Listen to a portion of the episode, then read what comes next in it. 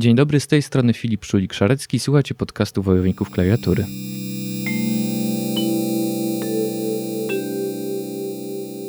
A w tym odcinku jest z nami Gosia Fraser, starsza redaktorka Cyber Defense 24 oraz autorka podcastu Texpresso Cafe. I w opisie Twojego podcastu znajduję informację, że zajmujesz się filozofią technologii i to świetnie, bo to oznacza, że po pierwsze słuchacze są w dobrych rękach, a po drugie y, świetnie wpasowuje się w temat dzisiejszego odcinka. Cześć. Cześć, e, bardzo się cieszę z Twojego zaproszenia. I tak, e, mój podcast to jest pierwsza w Polsce audycja o filozofii technologii. Bardzo jest mi miło, że twierdzisz, e, iż słuchacze są w dobrych rękach. Przede wszystkim chciałabym, żebyśmy przyjrzeli się tym technologiom i sprawom cyfrowym z trochę takiej unikalnej perspektywy. I wiem, że też zaproszenie zaproszenie do Twojej audycji to jest kolejna okazja, żeby właśnie tak na ten świat popatrzeć. Tak, chciałem zadać Ci właśnie filozoficzne pytanie. Gdzie jesteśmy w 2022 roku w kwestii dezinformacji? Bo specjalizujesz się w tematach i e, związanych właśnie z prywatnością w sieci i z dezinformacją i wszelkich innych e, cyfrowych, hakerskich i, i niehakerskich. E, I chciałem zapytać, jak z Twojej perspektywy, osoby, która obserwuje jakby to, co się dzieje już od dłuższego czasu, czy uważasz, że jakby w kwestii dezinformacji stało się coś dobrego, czy wręcz odwrotnie? Czy jesteśmy krok do przodu, żeby zapanować nad tym chaosem dezinformacyjnym, czy może wręcz przeciwnie, wszystko wali nam się na głowę? Dokładnie wczoraj e, w mojej głowie pojawiła się taka myśl, że rok 2022 to jest ten rok, w którym znaleźliśmy się w punkcie, gdzie autentycznie nic nie wiemy i jesteśmy zdezorientowani, bo ostatnie dwa lata, czyli e, pandemia koronawirusa, dezinformacja, która w tym czasie stała się problemem chyba e, takim już uświadomionym e, we wszystkich kręgach społecznych. Problemem takim bardzo dobrze rozpoznanym na poziomie tekstów na ten temat, analiz, również apeli kierowanych do różnych grup odbiorców mediów, przybrała na sile jeszcze bardziej ze względu na inwazję Putina na Ukrainę z 24 lutego tego roku. E, celowo mówię tutaj o inwazji, bo my również bardzo często zapominamy o tym, że wojna e, na Ukrainie ona trwa od 8 lat i e, inwazja tak naprawdę nie jest początkiem wojny. To jest tutaj też kamyczek jakby do ogródka mediów, które w ten sposób również delikatnie dezinformują, jakby nie dostrzegając tego, że, że wojna tam trwa już od bardzo długiego czasu a inwazja jest jej kolejnym etapem. I my się znaleźliśmy nagle w takim punkcie, w którym ta dezinformacja ona zaczęła się e, wlewać absolutnie w niemal każdą dziedzinę naszego życia. Ona zaczęła być również e, narzędziem politycznym, narzędziem do realizacji e, określonych celów przez partie polityczne, zarówno w polityce wewnętrznej w wielu krajach, jak i na arenie międzynarodowej. Przecież to właśnie robi Kreml, to robią Chiny.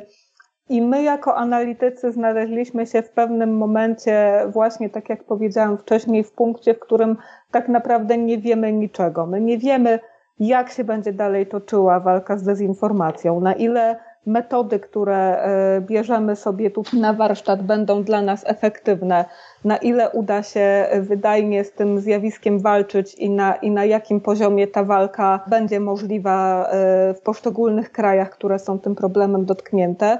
Rok 2022 to jest po prostu rok wielkiej dezorientacji, a zarazem niestety jest to rok wielkiej dezinformacji. Tak bym to podsumowała. Patrząc na to w perspektywie czas czasu, jak myślę o tym, jak platformy reagowały na w ogóle temat dezinformacji, kiedy myślę o Facebooku, Twitterze, no TikToku, jak myślę o, o tych wszystkich big techach, które, które dezinformacją jakby, z którą, które mogą cokolwiek zrobić z tą dezinformacją, informacją i jak, jak duży to był i ważny temat dla tych big techów, powiedzmy przed COVID-em, a teraz, no to chyba się jednak trochę poprawiło. Zaczę, zaczęli zwracać uwagę na to. Zaczęli zwracać uwagę jeszcze przed COVID-em, bo e, wówczas pojawił się problem e, wykorzystania platform społecznościowych do dezinformacji przedwyborczej. I na kanwie wyborów e, w USA, kiedy wygrał je w 2016 roku Donald Trump, ten temat dezinformacji stał się ważny, ale w Europie on jeszcze nie był aż tak mm, doświetlony, nie był aż tak ważny ważkim tematem i, i pamiętam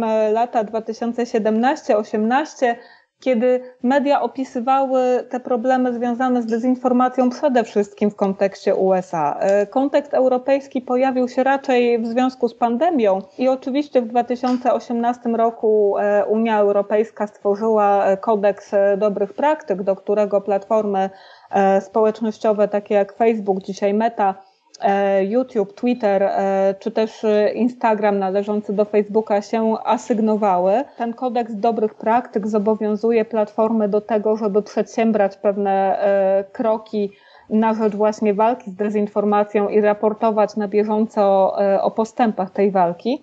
Jednak mam takie przeczucie graniczące z pewnością, korzystając z tego publicystycznego zwrotu, że to są działania pozorowane. Badania naukowe, które są prowadzone nad tym, jak dezinformacja oddziałuje na użytkowników i jak bardzo e, jako użytkownicy jesteśmy skłonni weryfikować e, fakty, wskazują na to, że e, jeżeli użytkownicy stykają się z komunikatami fałszywymi, ich skłonność do przyjęcia prawdy jest później dużo niższa. Tak? My nie jesteśmy jakby chętni do rewidowania swoich poglądów, istnieją też badania, które wskazują, że metody, które platformy podejmują, czyli jakieś oznaczanie postów, e, jakieś e, etykietki, które mówią, to jest post zawierający niesprawdzone informacje, one wcale nie oddziałują tak bardzo intensywnie, jakbyśmy tego chcieli.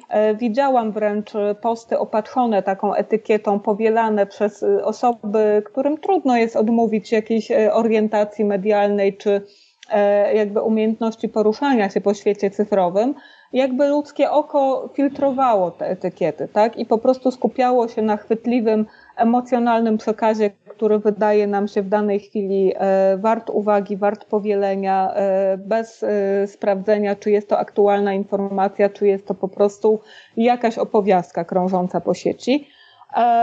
I myślę też, że to już jest moja taka prywatna opinia, E, myślę też, że platformy tak naprawdę nie są w gruncie rzeczy zainteresowane walką z dezinformacją, bo to właśnie te dezinformujące, wprowadzające w błąd, czy też naginające rzeczywistość komunikaty, one najczęściej są tymi komunikatami, które przynoszą e, Facebookowi czy innym platformom bazującym na naszym zaangażowaniu właśnie najlepsze wyniki finansowe. One nas przykuwają do ekranu, one powodują, że my chętnie spędzamy czas w danym serwisie E, one powodują e, dużą liczbę udostępnień, polubień, e, interakcji, a interakcje, czas użytkownika, jego zaangażowanie na danej platformie, wiadomo, oczywiście przekłada się to na pieniądze. Więc dziwne byłoby, gdyby platformy odcięły sobie taką żyłę złota, jaką są tego rodzaju przekazy. To jasne, że faktycznie dezinformacja i fake newsy wzbudzają po prostu dużo emocji,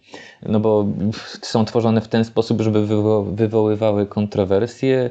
Jeżeli coś wywołuje kontrowersje, to ludzie to komentują, udostępniają, a przez to więcej czasu spędzają w mediach społecznościowych i, i finalnie te media społecznościowe na tym zyskują. I nie chcę wcielać się w rolę adwokata diabła, bo naprawdę nie mam w tym specjalnego interesu, ale też z drugiej strony zastanawiam się, e, czy te wielkie platformy, mogą w ogóle i mają narzędzia, bądź w ogóle mogą cokolwiek z tym zrobić, bo jeżeli mówimy właśnie o jakichś działaniach typu e, Twitter, który oznacza e, plakietkami, że to może być e, treść, która jest dezinformująca, albo to ten tweet pochodzi z powiązanego z Federacją Rosyjską źródła. To czy Twitter może cokolwiek więcej w tym temacie zrobić niż, niż dawać takie plakietki?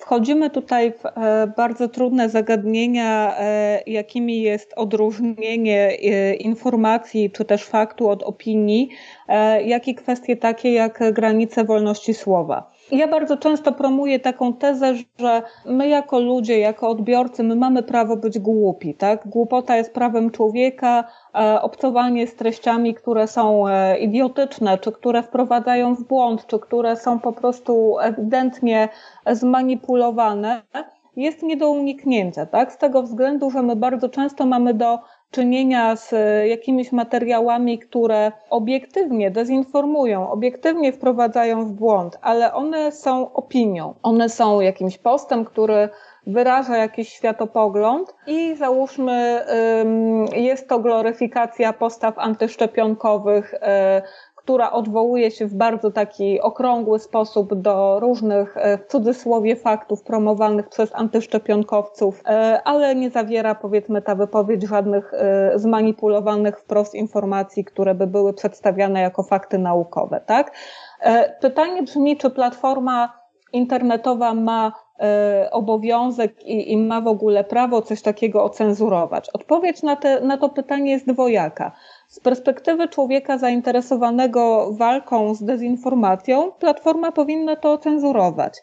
Ale z perspektywy człowieka, który broni wartości demokratycznych broni e, wartości, jaką jest w świecie demokracji, wolność słowa, absolutnie taki wpis nie powinien podlegać e, moderacji czy cenzurze bo on nie zawiera przecież zmanipulowanych faktów. On nie twierdzi, że e, powiedzmy szczepionki powodują autyzm bądź szczepionki na COVID zabijają, tak? On tylko załóżmy taki wpis wyraża pogląd, że e, szczepienia to jest coś, co jest e, niesłuszne, tudzież jest to coś, co w ocenie danego autora wpisu jest sprzeczne z jakimiś poglądami na religię, tak?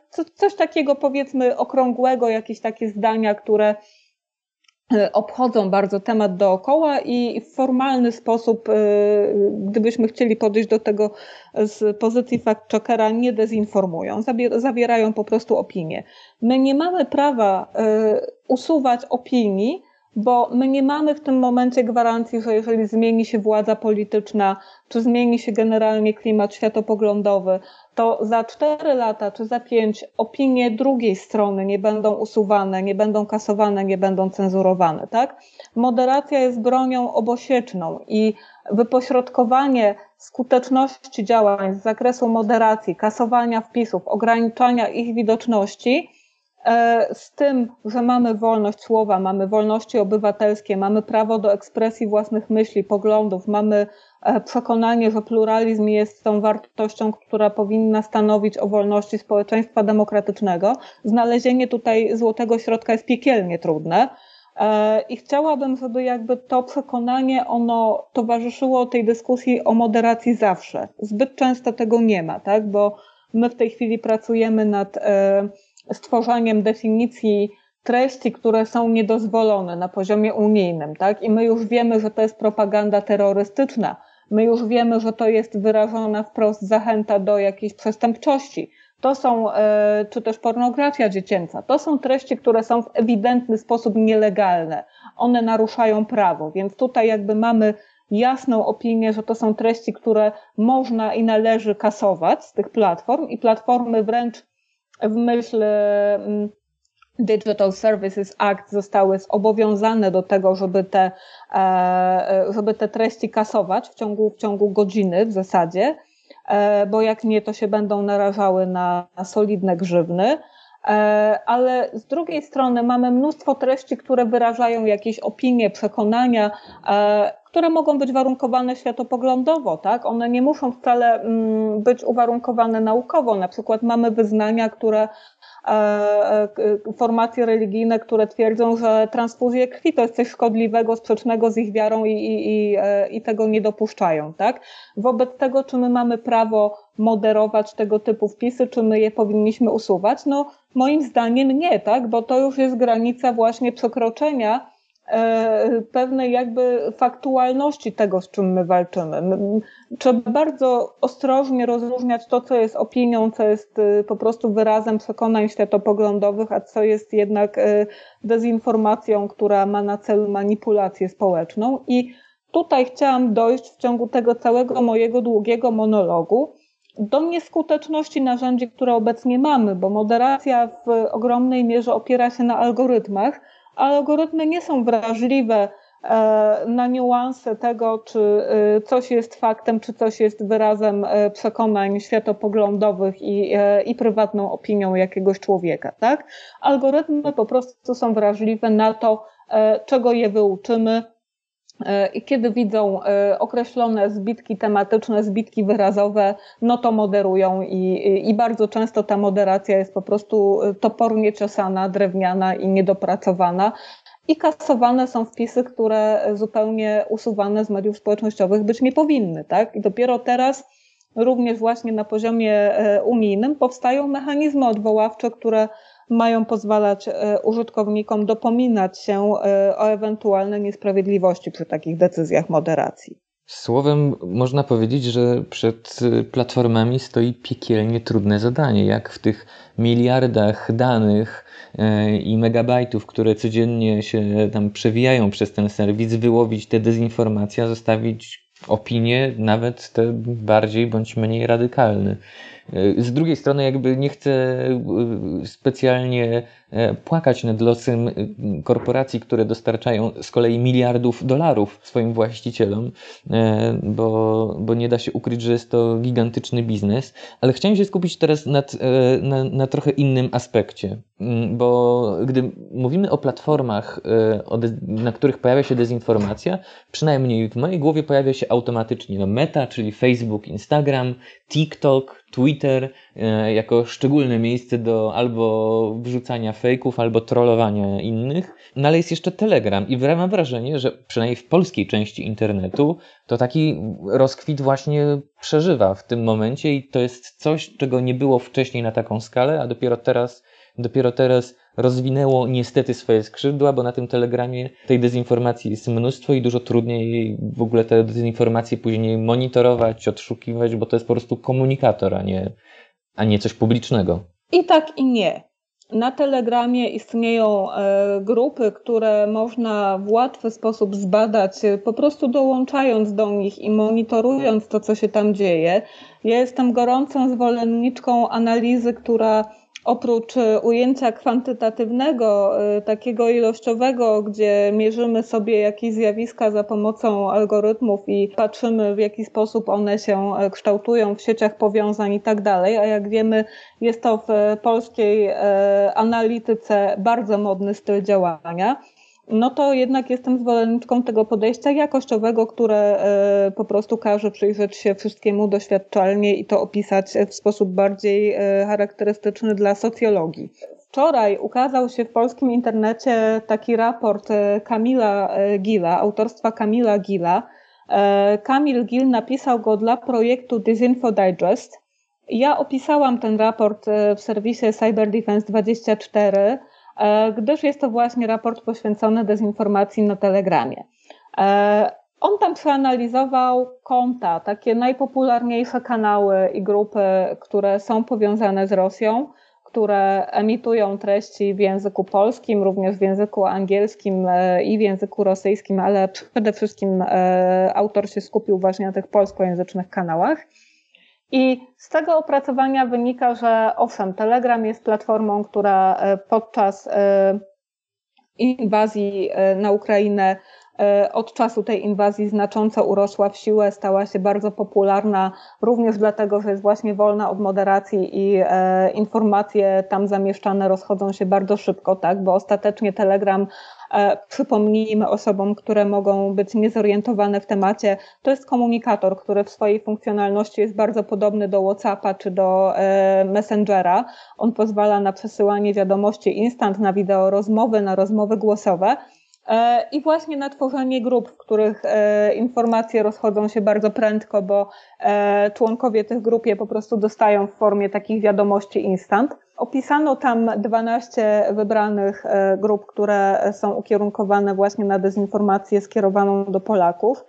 I to jest dezinformacja, która się e, koncentruje przede wszystkim wokół aktualnych e, tematów, takich jak właśnie wojna Rosji z Ukrainą, jak wzbudzanie niechęci do uchodźców i imigrantów z Ukrainy, jak sianie teorii spiskowych na temat tego, co może dalej się z tą wojną wydarzyć Również y, dezinformacja nadal covidowa jest bardzo w cenie na tych kanałach.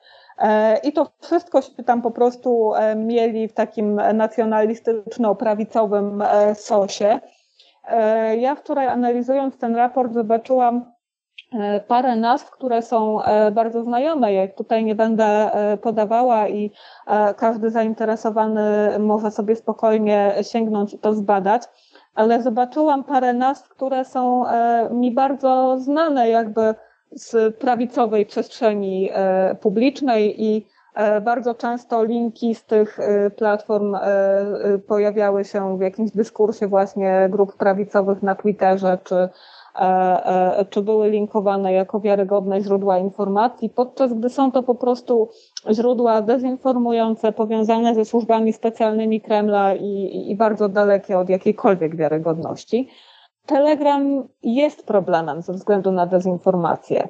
Ale z drugiej strony, jeżeli dojdziemy do wniosku, że to komunikator jest problemem, to za chwilę sięgniemy po argumentację, którą e, teraz promują niektóre kraje, takie jak Wielka Brytania czy niektóre e, państwa unijne argumentują obecnie, że problemem, który może pomóc walczyć z dezinformacją na komunikatorach, bo nie mówimy tylko o Telegramie, e, dezinformacja szerzy się również na WhatsAppie. E, argumentacja ta opiera się na tym, że powinno się walczyć z szyfrowaną komunikacją po to, żeby służby bezpieczeństwa E, mogły po prostu sięgnąć do e, tej komunikacji i walczyć aktywnie z aktorami odpowiedzialnymi za tę dezinformację.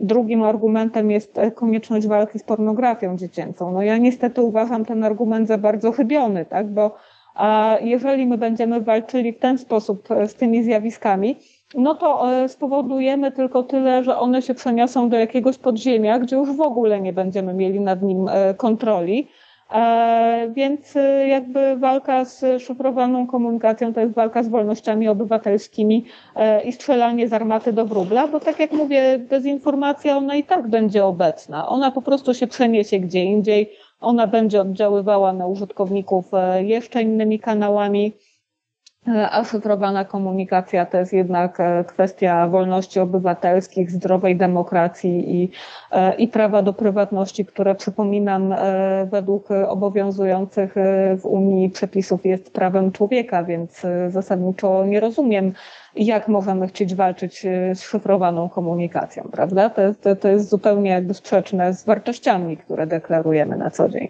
No i na koniec chciałem zapytać Cię o to, czy jesteś optymistką, czy patrzysz pesymistycznie w przyszłość, ale już usłyszałem, że uważasz, że dezinformacja zawsze będzie i się obroni. Mówiąc szczerze, mam podobne podejście i podobnie na to patrzę, ale może, nie wiem, może z kolei jesteś optymistyczna, jeśli chodzi o skalę, może uda się nad tym jednak chociaż trochę zapanować. Jedyna e, rzecz, względem której jestem optymistką, to e, świadomość społeczna. Świadomość społeczna rośnie.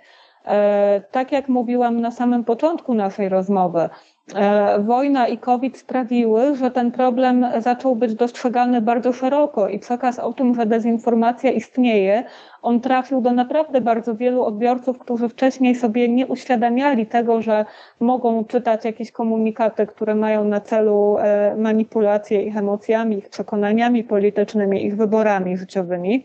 E, teraz ta świadomość rośnie i być może ta edukacja E, bo przecież my w gronie eksperckim bardzo lubimy powtarzać, że e, jedynym rozwiązaniem tego problemu jest edukacja. I ja myślę, że w gruncie rzeczy to jest prawda, tak?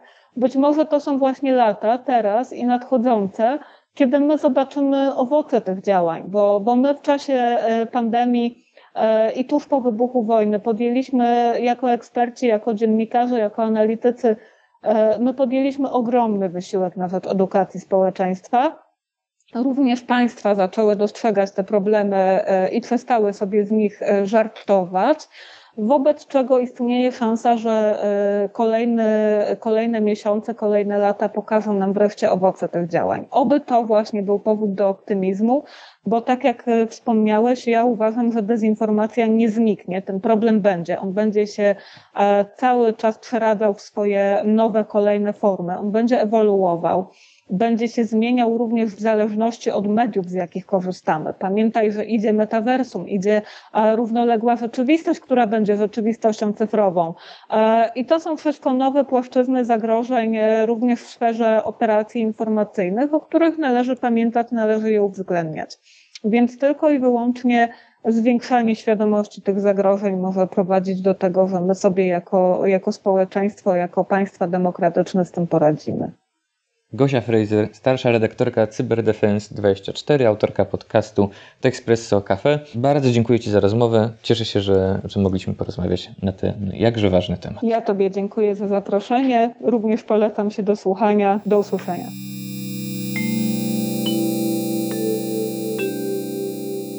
Słuchaliście podcastu Wojownicy Klawiatury, który powstał dzięki wsparciu Science Plus. Więcej odcinków na www.wojownicyklawiatury.pl oraz w aplikacjach podcastowych. Do usłyszenia.